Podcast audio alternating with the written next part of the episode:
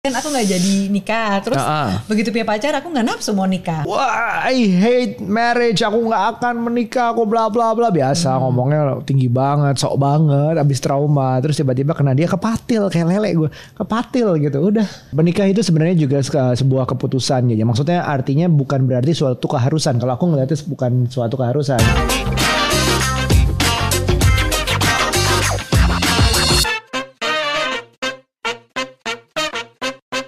Hai parents. Halo, selamat datang kembali di podcast Curhat Babu, curhatnya Bapak dan Ibu. Hai Ibu, apa kabar? Baik, apa kabar, Eh, kita udah berapa tahun nikah sih? Aduh, udah deh 10 tahun. Wih, bangga nggak? Kalau kalian nontonnya atau dengernya di tahun 2022 ya. Iya iya iya iya. Iya benar 2000 juga, lagi, benar ya kan? juga. Nah, itu kita kita tuh udah merasakan tahun ke-10 ini inget gak sih suka flashback ke sebelum saat-saat sebelum nikah? Eh, ya suka flashback. Yang apa sih yang bagian apa nih? Yang, Apa? yang suka party. Oh iya, itu kita eh, ketemu di party ya. ketemu di party enggak deh, kita ketemu nggak di party, tapi emang kita punya interest yang sama di di saat itu. Oh iya. Party itu singkatan dari wah cari-cari. Iya, jadi kalau inget yang zaman dulu tuh eh, aku juga nggak nyangka sih maksudnya adalah segitu cepatnya nafsu inget Apa nafsu? nafsu mau nikahin kamu. Oh ya? Heeh, kenapa Kamu sih? sih? Kenapa sih aku juga bingung kamu apain aku sih? Nggak tahu, aku aja dulu nggak nafsu mau nikah lagi. Maksudnya bukan nikah lagi, kan aku nggak jadi nikah. Terus Ah, ah. begitu punya pacar, aku nggak nafsu mau nikah. Nah, untuk Kata teman-teman yang belum tahu, aku gue juga berangkat dari pernikahan yang gagal. Dipikirnya di saat itu, wah, I hate marriage. Aku nggak akan menikah. Aku bla bla bla biasa ngomongnya tinggi banget, sok banget, abis trauma. Terus tiba-tiba kena dia kepatil kayak lele gue, kepatil gitu. Udah, ya udah langsung. Oh iya, belum setahun kenal ya. Waktu itu belum setahun kenal. Bab. Eh, Ya ampun, kamu lupa. Oh, enggak, enggak. Siapa yang kamu ngomongin siapa? maksudnya siapa belum setahun ngomongin? pacaran. Ya. Ya kenalnya udah pernah kenal terus terus nggak kenal dulu, as in nggak main nggak ketemu, terus akhirnya ketemu lagi baru deketin pacaran resmi belum setahun, eh udah diajak nikah Iya. Gitu. Nah tapi katanya sekarang, zaman sekarang itu eh, ada di generasi kita yang di bawah kita Yang lebih muda. ada cen- kecenderungan takut menikah, bener nggak sih? Ini menurut riset katanya begitu. Nah apakah Iya, itu riset Katanya Gen Z yang kelahiran tahun berapa? 95 sampai 2015 atau 2010, ya, ha? Itu katanya uh, ada keha- ke- ketakutan menikah gitu dan ada angka-angka di usia tertentu yang memang angka pernikahannya tuh rendah Gitu gitu, ya. katanya. Tapi yang aku tahu memang di Jepang juga udah kayak gitu ya. Bahkan sampai Ya. ada negara-negara tertentu yang bahkan kayak mau supply uh, apa warga negaranya supaya mau nikah gitu, Iya, supaya mau berkeluarga gitu. mungkin kalau nggak salah waktu itu aku dibaca di Jepang adalah uh, mereka ketuntutan untuk sukses atau berhasil di hidupnya cukup tinggi, Iya. sehingga laki-laki atau perempuan, entah mungkin yang laki-laki mikir bisa ya nggak ya kalau gue sukses kalau gue menikah, Hmm. apalagi nanti kalau ada anak nanti gimana gitu planning financialsnya segala macam Iya. karir. Nah yang perempuan bahkan ada kecenderungan perempuan lebih ingin berdaya di Jepang itu, pengen punya uang sendiri, karir sendiri, sukses sendiri. Iya. Jadi untuk menikah apakah eh, nanti dulu deh, gue karir dulu gitu-gitu katanya berdasarkan riset ini. Makanya kenapa juga eh, apa ya isu-isu soal takut nikah nih eh, lumayan rame gitu ya di kalangan yang lebih muda karena ternyata juga banyak tontonan-tontonan gitu ya yang menggambarkan betapa rumitnya atau pedihnya sebuah pernikahan. Apa- kayak misalnya oh iya, ya kayak drakor-drakor tuh yang uh, a world of marriage gitu kan. Terus udah gitu apalagi ya Bab ya kayak oh layangan putus Oh, gitu iya, kan. iya, iya, Terus iya, banyak iya, lagi iya. film-film atau drama-drama yang memang menggambarkan tuh kayak perselingkuhan, terus Nah. hidupnya sulit banget ekonominya. Sama adanya juga naiknya angka perceraian. Jadi angka perceraian naik itu sebenarnya bisa dilihat dari dua sisi yang berbeda sih. Kayak seperti misalnya, oh oke eh, bercerainya itu makin banyak, artinya apakah pasangan itu lebih miserable, artinya lebih, wah akhirnya cerai, pernikahannya nggak bagus cerai atau pasangan lebih berani orang lebih berani dalam mengungkapkan ketidakbahagiaannya sehingga akhirnya cerai. It could be a bad thing, could be a good thing sebenarnya. Ya. Tapi beberapa mungkin dipersif, ah gue nikah nanti cerai gitu. Mungkin jadi ketakutannya itu. Eh, Tapi menurut kamu pernikahan tuh serumit itu bener gak sih kayak yang digambarkan di drama-drama atau sinetron itu? Eh padahal sebenarnya ya. Kalau nggak rumit, Babab, tapi terlalu kayak pernikahan-pernikahan zaman dulu tuh juga sebenarnya digambarin kayak film-film eh, sinetron Noktah Merah Pernikahan. Ada yang tahu nggak film itu? Itu Aku kan aja nggak tahu. seling- selingkuh juga loh.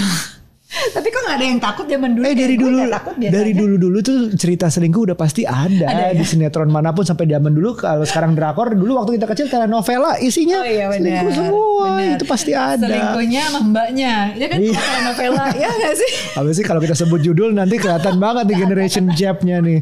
Uh, uh, jadi jadi apa artinya uh, kamu nanya apa tadi bahwa, bahwa pernikahan itu serumit itu kalau nggak rumit nggak akan ada curhat di kita ada Oh iya benar juga ya. Oh jadi pernikahan itu rumit waduh. Sebenarnya rumit. Dede-dede Gen Nah, Z ini malah jadi males. Yang teman-teman belum tentu belum tahu mungkin adalah pernikahan adalah sumber masalah baru. Iya benar. bukan masalah lebih berat sebenarnya, tapi bisa jadi masalah baru. Hal-hal seperti, oh ternyata uh, punya anak tuh nggak segitu gampangnya ya. Oh ternyata ekonomi, oh ternyata ada namanya generation sandwich ya. Oh ternyata ada penyakit apa ini segala macam.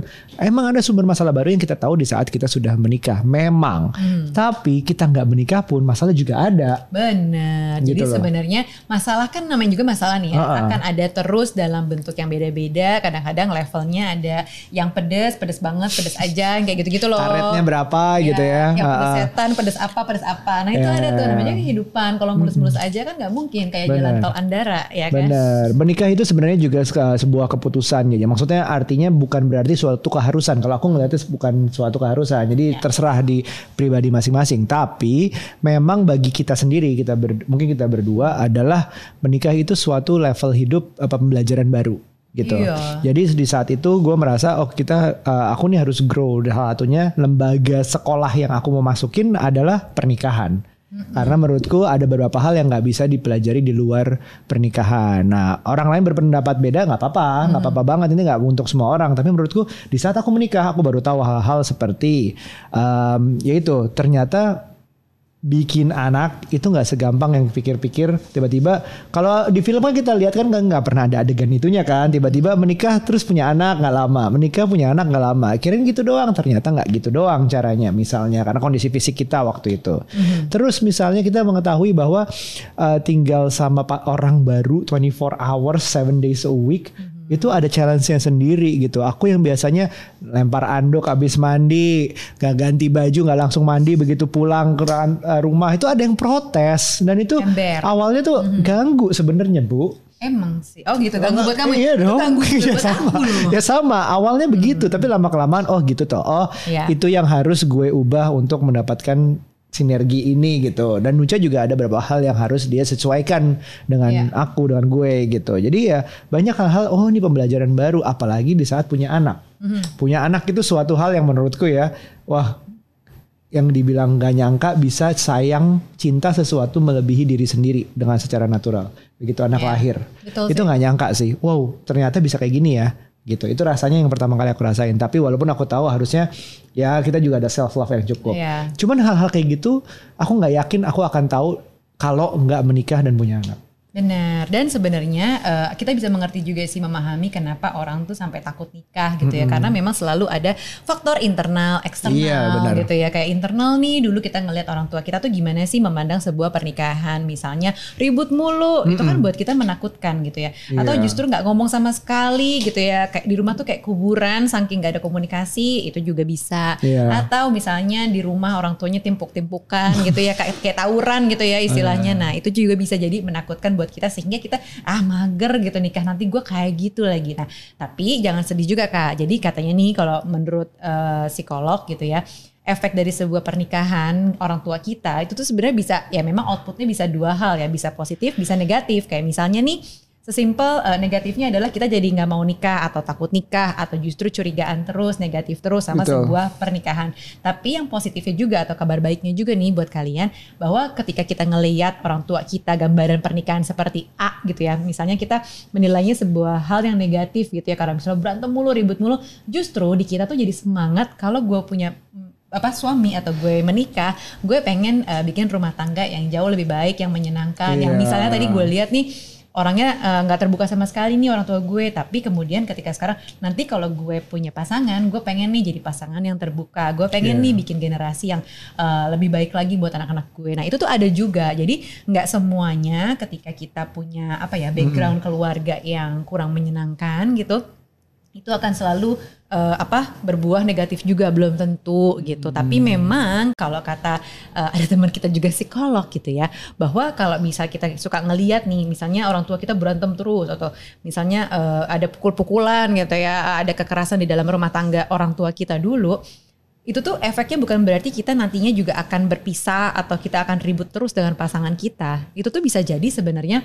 uh, apa yang kita tangkap atau unconsciousness kita itu memandang memang pernikahan kayak gitu. Oh, yang namanya menikah ya emang harus berantem kayak gitu. Jadi ketika kita punya pasangan dalam rumah tangga, bawaannya tuh kita marah mulu karena yang kita capture pada masa itu adalah orang tua berantem gitu karena kita juga berantem nih kita orangnya kayak gitu dan misalnya uh, orang tua KDRT kita pun KDRT orang tua dulu ya bercerai kita hmm, juga bercerai gitu yeah. padahal sebenarnya itu bukan sesuatu yang terjadi kayak orang suka atau ya, turunan genetik. Bilangnya tuh genetik gitu ya. Oh, hmm. Oh, ini genetik nih kakek Enggak neneknya juga. dulu cerai, terus uh, bapak ibunya cerai. Pasti nanti kamu juga kalau punya pasangan cerai. Enggak gitu. Ini gitu. sesimpel kayak misalnya uh, anak tuh berjalan lihat orang tuanya gitu. Bener. Jadi gaya berjalan yang gue pernah lihat bapak sama anak yang gaya berjalan tuh hampir sama karena memang dia mengcapture iya ya? mengcapture secara unconscious bahkan dari kecil hmm. cara pertama kali oh itu gitu toh jalan oh itu toh cara orang berjalan ya udah ngikutin kayak gitu termasuk behavior behavior menikah tadi yang kamu bilang. Iya dan memang berarti kalau misalnya kita udah aware dengan kondisi misalnya orang tua kita gitu ya dalam kondisi yang bukan sesuatu yang ideal atau normal menurut kita justru kita break the cycle nih kita sadar hmm. oh itu tuh nggak benar sebenarnya. Namanya relationship tuh atau pernikahan tuh bukan kayak gitu. Jadi kita justru sadar bahwa dan aware dan bilang nih sama pasangan gue tuh punya problem ini nih dalam rumah uh, di dalam rumah gue dulu. Yeah. Tapi gue pengen memperbaiki, gue nggak pengen jadi kayak mereka. Yuk kita bikin satu kayak rumah tangga dengan konsep yang lebih baru, yang begini begini yeah. begini. Jadi ini, jadi tuh menggam, uh, udah tahu gitu ekspektasinya apa. Gue pengen memperbaiki nih, gue nggak mau yang sama kayak gitu. Iya, yeah, ini juga kayak misalnya ya anak gue misalnya ada anak nggak merasa dekat sama yeah. orang tuanya, ya di break the cycle, gue mau deket banget sama anak gue gitu. Mm-hmm. Itu bisa jadi terjadi seperti itu. Nah itu kan faktor internal ya berarti ya. Ya itu internal. Nah sekarang adalah. eksternalnya yaitu bisa jadi dari luar sana. Sekarang perkembangan zaman, perkembangan zaman dimulai dengan eh, jelas lah dari setiap generasi makin hebat adalah mm-hmm. teknologinya, pengetahuan akan teknologi, adanya social media, adanya aplikasi-aplikasi dating yang makin canggih. Tinggal swipe ke kanan atau ke kiri udah ketemu orang yang berbeda setiap malam. Bisa jadi jadi posisinya dianggap enak dong. atau juga ya enak relatif ya. Tapi maksudnya posisinya tuh bisa diubah men, uh, dianggap menjadi dating forever gitu. Yeah. Selamanya ya dating aja hidup itu nggak perlu menetap dengan satu orang, tapi ya setiap malam atau setiap minggu, setiap bulan kita kenalan orang lain aja. Itu yang konsep yang bisa terjadi karena adanya teknologi yang berubah ini. Yes. Walaupun kita nggak tahu sih zaman aku kenalan sama perempuan sama itu belum ada tuh aplikasi itu. Lama banget ya kita. Atau sebenarnya menikah takut ah juga kadang-kadang justru jadi kayak antitesis dari lingkungan yang justru pada menggadang-gadang bahwa pernikahan tuh seru. Kadang-kadang kita juga sadar gak sih kalau menyiapkan pernikahan tuh lebih seru daripada pernikahan itu sendiri. Per, jadi iya. kayak kita menyiapkan wah dekornya harus Wih, apa ya gitu. Honeymoon wah, ke mana? Heboh. Terus kayak ya honeymoonnya ke mana ya? Boy kalau nggak keluar negeri nggak keren. Atau hmm. misalnya uh, kebayanya harus uh, rancangan gaun dari desainer apalah uh, gitu kan. Nah kadang-kadang kita tuh cuman uh, festive atau excited dengan hal-hal persiapan persiapannya itu. Yeah. Padahal kita nggak mendalami itu yang namanya pernikahan kayak gimana sih gitu. Jadi mm-hmm. dan ngelihat hal itu malah kita ngerasa ah males deh nikah uh, orang cuman kayak buat lucu-lucuan di sosial media aja biar keren kali sosial medianya gitu kan jadi males yeah. nikah gitu kan dan, Dan tadi tuntutan di awal yang kayak seperti Jepang tadi banyaknya yeah. yang kita keinginan untuk mencapai sesuatu secara karir atau secara finansial itu lebih besar daripada itu. Bisa jadi, bisa jadi. Nah mengenai hal itu juga sebenarnya yang menarik adalah gini, uh, kadang-kadang perempuan itu dinilai terlalu kepinteran. Jadi jangan nah, kepinteran, nanti kamu nggak dapet pasangan yang sesuai sama kamu. Kamu nah, nanti bakal jadi picky, nanti kamu bakal pilih-pilih, bla bla bla bla. Nanti kamu kawin tua. Apa istilah kok aku lupa? Perawan tua. Perawan tua. tua wow. Perawan tua. Saking nggak mau nikahnya karena kamu kepinteran. Iya, gitu. banyak yang bilang kayak gitu. Aku juga ada cerita bahwa teman kita kita nih yang yeah. kita kenal uh, begitu kenalan di lewat chatting apa segala macam saatnya menjemput lihat hmm. rumah perempuannya gede banget dianggapnya yeah. tajir tajir, tajir. padahal tajir, ya gitu, sebenarnya rumah orang tuanya ya boleh yeah. dibilang ya tajir itu nggak jadi udah ghosting habis itu yeah. gitu ada perbedaan uh, status sosial ada perbedaan status pendidikan hmm. ada macam-macam perbedaan yang dianggapnya ya udah itu jadi hambatan menikah. Nah, tapi sebenarnya balik lagi ke perempuan harusnya bagaimana? Ya aku sih melihatnya kalau perempuan itu memang sudah pintar akan ketemu yang sejajar atau mungkin lebih pintar. Who knows? Dan itu masih Betul. banyak, masih banyak. Ya, ya, ya. Dan Masih menurutku banyak. juga gini, bukan masalah perempuan pintar atau nggak pintar. Mau perempuan biasa aja atau perempuan nggak nggak pintar juga, dia akan menemukan yang memang sepadan. Karena kan awalnya Hmm. selalu dari komunikasi kan, gimana lo uh, ketemu sama orang lain gitu ya, mau cewek mau cowok gitu ya, ketemu kan kita ngobrol. Nah ngobrolnya Hmm. kan udah tahu tuh esensinya apa. Kalau emang lo ngerasa sebenarnya nggak pintar, lo akan nyambung sama yang mungkin nggak pintar juga misalnya gitu ya. Tapi pokoknya intinya adalah selalu akan sepadan. Hmm. Cocok-cocokan kan? Cocok-cocokan. Bukan bagus, jelek, pinter, Jadi bego, apa pinter segala mungkin macem. nyambung akan eh, apa namanya knowledge sama yang memang sepadan juga gitu. Tapi ya cross eh, cross tadi juga nggak apa-apa Iya. juga sih ada aja gitu loh. Bukan Eh, berarti kayak harus misalnya kayak Stanford sama Stanford belum tentu kan. Kamu, gitu. kamu lihat aja nih, Nucha tuh dari dulu suka diomongin. Kamu Apa? jangan kecakepan dong, nanti nggak ada yang mau. Dapetnya gue. Nah, masih mungkin kan, masih mungkin kan. Ayo cowok-cowok jangan jangan Iya. jangan patah semangat dulu. Tapi aku juga nggak pinter-pinter banget kan, Bab. Aku tuh cuman Dulu makna nggak? cum laude aja. Dulu nggak? Nggak, nggak. Ini mer- mer- mer- menurun untuk meninggi. Iya. Aku cuma makna cum laude aja dulu, Bab, gitu. Aku dulu cum laude loh. Jadi eh, aku berusaha untuk eh, eh, memang punya standar kayak gue kalau ngobrol sama orang harus dalam apa ya spektrum yang sama gitu. Kayak obrolannya nyambung gitu. Setidaknya nyambung deh kayak lo Iya, nongkrong di iya, mana. kak kalau misalnya kita orangnya suka ngopi terus dia nggak demen gitu kan lama-lama juga sebenarnya nggak ketemu gitu loh. Kan kita ngajakinnya ngopi yuk terus dia nggak mau. Ya itu udah pasti apa ya mungkin Iya. seleksi alam kita nggak nggak akan ngedate juga sama dia atau misalnya kita orangnya kayak ah gue di rumah aja tapi dia Jadi demennya yang- hangout akhirnya berantem kan yang mau s- dipaksain pacaran juga Iya, yang saya membatasi perempuan harus kayak gimana sih? Iya. Sebenarnya biarkan perempuan mau pinter, mau apa segala macam, jadi dirinya seberdaya mungkin. Udah maunya jadi apa, jadiin aja. Jangan kayak gitu. Eh jangan pinter-pinter, eh jangan cantik-cantik, eh jangan apa, jangan Gimana apa. sih? Emang bisa udah, dilarang-larang nggak gitu bisa gitu lah. ya? Jadi yang versi terbaiknya dari masing-masing itu aja. Laki-laki pun Iya, begitu. emang. Gue sering tuh dibilang jangan kecakepan. oh gitu kamu sering ya kamu kayaknya udah I wish. sih I wish. kamu udah over sih cakepnya ya kan nah emang eh, masalah sepadan nggak sepadan ya itu tergantung kita sih Eh, tahu nggak sih kayak magnet tuh akan ketemu dengan kutubnya Ih. gitu kan Maksudnya, Pakai kalau analogi- masalah analogi kan gitu, nih. gitu ya jadi Iya. pasti akan selalu ada chemistry-nya si Oke. A akan ketemu si B dan lain-lain gitu Kita ya. Jadi, balik lagi ke menikah. Ke menikah. Takut nggak jadinya sekarang kalau kayak gitu, kalau ada perbedaan yang jauh misalnya cewek kepinteran Oh, atau ini Tapi misalnya aku pun nggak terlalu pinter, aku nggak takut sih buat nikah. Kan ya aku nggak pinter nih ceritanya biasa-biasa aja. Ah, tapi ah. Nggak takut nikah, biasa aja. Karena aku pasti akan resonate dengan orang yang hampir serupa lah sama aku. Iya, sebenarnya bukan Yang nggak masalah pinter-pinter amat juga gitu. Ya mungkin ya mungkin kita balik lagi. Faktor internalnya diselesaikan juga sendiri masing-masing. Iya. Apa yang kita lihat dari orang tua kita karena perlu orang perlu tahu ada ada yang harus kita benarkan di diri sendiri dan kita harus tahu penyebabnya kenapa. Apakah kita takut menikah karena masalah internal tadi yang udah disebut Nuca juga atau ada faktor eksternal? Apakah kita melihat ke yang yang um, aneh-aneh gitu yang tidak sesuai yang membuat kita takut menikah? Apa itu yang dilihat? Nah, itu dibenarkan karena ya kita balik lagi juga harus tahu apakah kita mau menikah? Apa tujuan menikah tuh apa? Gunanya menikah tuh apa? Kadang-kadang ada orang juga yang nggak tahu, nggak mikirin mau menikah apa enggak, tiba-tiba ketemu dengan orangnya Betul. dan Apalagi- mengubah segala macam persepsi tentang pernikahan itu sendiri. Gue nggak peduli mau menikahnya di mana, kayak gimana, pokoknya gue mau nikah sama dia. Ada teman kita yang memang sampai eh, sampai berucap gitu ya, gue nggak mau Ah, nikah, gue tuh di percaya bahkan. dengan pernikahan. Eh apa yang terjadi? Dia menikah. ya gitu, memang emang emang itu emang sesuatu yang harus dijalani aja, uh, lebih ke arah self introspeksi ya, self awarenessnya harus ditingkatkan, belajar mengenal diri sendiri, belajar mengenal keadaan luar dan sambil berjalan siapa tahu menemukan yang it's not that it's not that I need to get ma- eh, gimana ya aku dulu tulisnya yang waktu aku tweet aku lupa Aku jadinya. juga lupa gimana dong. It's not that I need to get married. I ha- I need to find someone. Tapi I have found someone. I want to get married. Oh iya benar Gitu. Jadi orangnya juga mungkin pengaruh. Boleh diulang lagi nggak nih buat nanti di capture nih? Pasti sama pemirsa akan di.